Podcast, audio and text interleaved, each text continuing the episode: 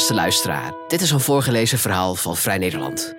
Drie maanden lang kon Robin van der Maagdenburg zich als artist in residence onderdompelen in de wereld van de geestelijke ontregeling. Het bosrijke terrein van Zon en Schild, de psychiatrische instelling waaruit haar grootmoeder in de jaren 70 ontsnapte.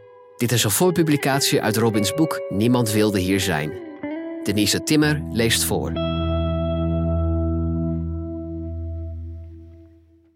Een psychiater met een volle bos wit haar en lange benen ontvangt me in zijn kantoortje in een gebouw met verlaagde systeemplafonds. Psychiatrie is een vak van de taal, zegt hij. Neem een patiënte die hij laatst sprak. Ze wilde geen medicijnen slikken, geen chemische troep in haar lijf. Toen begon het woordenspel. De vrouw dacht dat ze door het nemen van medicijnen onomstotelijk zou toegeven dat ze gek was. De psychiater zegt tevreden. Toen ze dat uitsprak, zag ze al in hoe irreëel die gedachte was. Ze nam haar medicijnen en binnen zes weken was ze weer op de rit. Ongelukkig zijn is geen stoornis. Maar waar ligt de grens tussen die twee?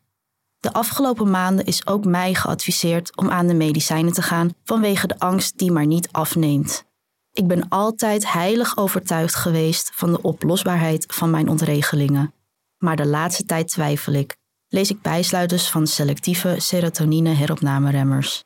Maar hoe langer het duurt, hoe harder de lokroep van de sirene. Mijn huid lijkt geen doorgetrokken lijn meer. De verhalen die ik hoor bij zon en schild sijpelen naar binnen. Gaat dit ooit weer weg of leef ik voortaan met mijn zenuwen aan de buitenkant? In de tussentijd houd ik me vast aan de woorden van Kierkegaard. Wil een mens zijn angst leren kennen, dan zal hij over zijn innerlijke bewegingen moeten nadenken. Bij bewustwording van zichzelf is het onontkoombaar dat hij ook zijn eigen onrust opmerkt. Daar moet hij dan ook niet van af, maar doorheen. Hoe lang duurt het voordat je er doorheen bent? Wat is er veranderd in de psychiatrie sinds mijn oma hier verbleef in de jaren 70? vraag ik. De benadering is anders, zegt hij. De behandelingen zijn grotendeels hetzelfde gebleven. Het is een jong vak. We weten nog steeds veel meer niet dan wel. De belangrijkste verandering is de herstelbeweging, waarmee de autonomie van een patiënt wordt erkend. De herstelbeweging ontstond in de jaren 70 als uitvloeisel van de antipsychiatrie. De patiënt heeft in deze benadering meer invloed op beslissingen in zijn behandeltraject. En de hiërarchie tussen psychiater en patiënt is zoveel mogelijk verdwenen. De herstelbeweging gaat niet alleen uit van een medische aanpak, maar kijkt op alle terreinen hoe iemand zinvol kan leven, met of zonder symptomen. De herstelbeweging stuit ook op weerstand. Tot waar gaat de autonomie van een patiënt? Tot het gebruiken van drugs? Tot de agressie die erop volgt? Tot de rand van een leven of ook eroverheen? Wat de behandeling betreft gaat hij verder. Daarbij grijpen we steeds vaker terug op oude technieken. Neem electroshocks. Door One Flew Over the Cuckoo's Nest is die methode verguisd geraakt, maar het is nog steeds een effectief laatste redmiddel bij suïcidale depressie. Wat betekent een psychose eigenlijk, vraag ik. Er zijn mensen die een psychose zien als een vorm van bescherming. Andere mensen zien het als een onderbewust vraagstuk, verduidelijk ik mijn vraag. Hij zegt: dat is hetzelfde als denken dat een tumor een betekenis heeft. Het is een ziekte en zo moet je er ook mee omgaan. De reactie van de psychiater blijft me dwars zitten. Misschien was het mijn woordkeuze, legt het woord betekenis een vorm van schuld neer bij degene wie de psychose overkomt. Een redenatie die me blijft verbazen. Waarom zou een emotionele of sociale oorzaak iemand schuldig maken? Ik zie het hooguit als aansporing om ons op een andere manier om elkaar te bekommeren en in te zien dat de taal naast argument ook zelf een medicijn kan zijn. Voor mijn vader raakte de psychose aan het mystieke.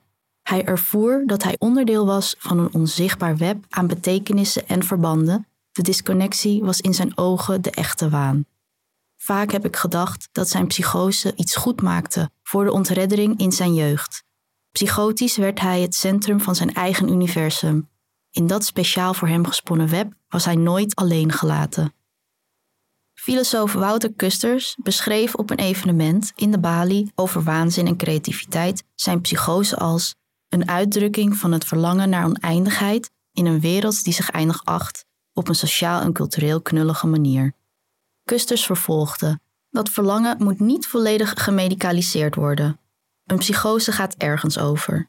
Je brandt door en komt terecht in een wereld waarin allerlei nieuwe verbanden ontstaan. Wat hebben die te betekenen? Je kunt niet aankomen met niets, het is een ziekte. Je doet mensen tekort door in een medische discours te blijven hangen. Dan blijft er een aantrekkingskracht uitgaan van de psychose. Je wilt er naar terug. Je bent iets op het spoor gekomen wat over alles gaat. Als daar geen bevredigend antwoord op komt, blijf je dat pad volgen. In het boek De Overtocht schrijft filosoof Barry Forstenbos, die zelf ook een aantal psychoses doormaakte, dat er een vorm van nostalgie bestaat naar de psychose, omdat die raakt aan het goddelijke. Deze nostalgie wordt volgens Forstenbos afgeschermd door angst. Mijn paniek speelt een spel met de psychose. Als de dood ben ik voor de schuivende werkelijkheid waarin niets meer op zijn plek blijft, voor het verdwijnen in een wereld zonder houvast. Tegelijkertijd ben ik gefascineerd door de verbanden die mensen leggen in een manie, met name door de manier waarop ze de taal gebruiken in een waan. In een psychose lijkt iemand in de taal te leven. Woorden worden gebruikt als poëzie. Mijn moeder zei over de eerste keer dat ze mijn vader zag: als hij iets zei, leek het alsof hij onderdeel was van iedere vezel van de wereld en vanuit die eenheid sprak. Waar de taal voor mij en voor de meeste mensen altijd net een tel te laat is, vond hij in zijn manie een plek recht in het hart van de taal, alsof hij van woorden gemaakt was. Hij had geen punten, komma's of ademruimte nodig. Het verschil tussen binnen en buiten was opgeheven. Uit de woorden van Kusters en Forstenbos maak ik op dat een psychose je niet alleen overkomt, ze trekt ook aan je. Zelf heb ik altijd het idee gehad dat ik verstrikt zit in het keurslijf van de logische taal. Liever wil ik wonen in de hartkamers ervan, al weet ik dat daar ook de gekte huist. Wat als deze residentie mijn manier is om toe te geven aan de aantrekkingskracht van het onbekende? Het met omvloerste woorden te naderen, maar de paniek me voor het verdwijnen behoedt. Dit was een voorpublicatie uit Niemand wilde hier zijn van Robin van der Maagdenberg, dat op 5 maart verschijnt bij Querido.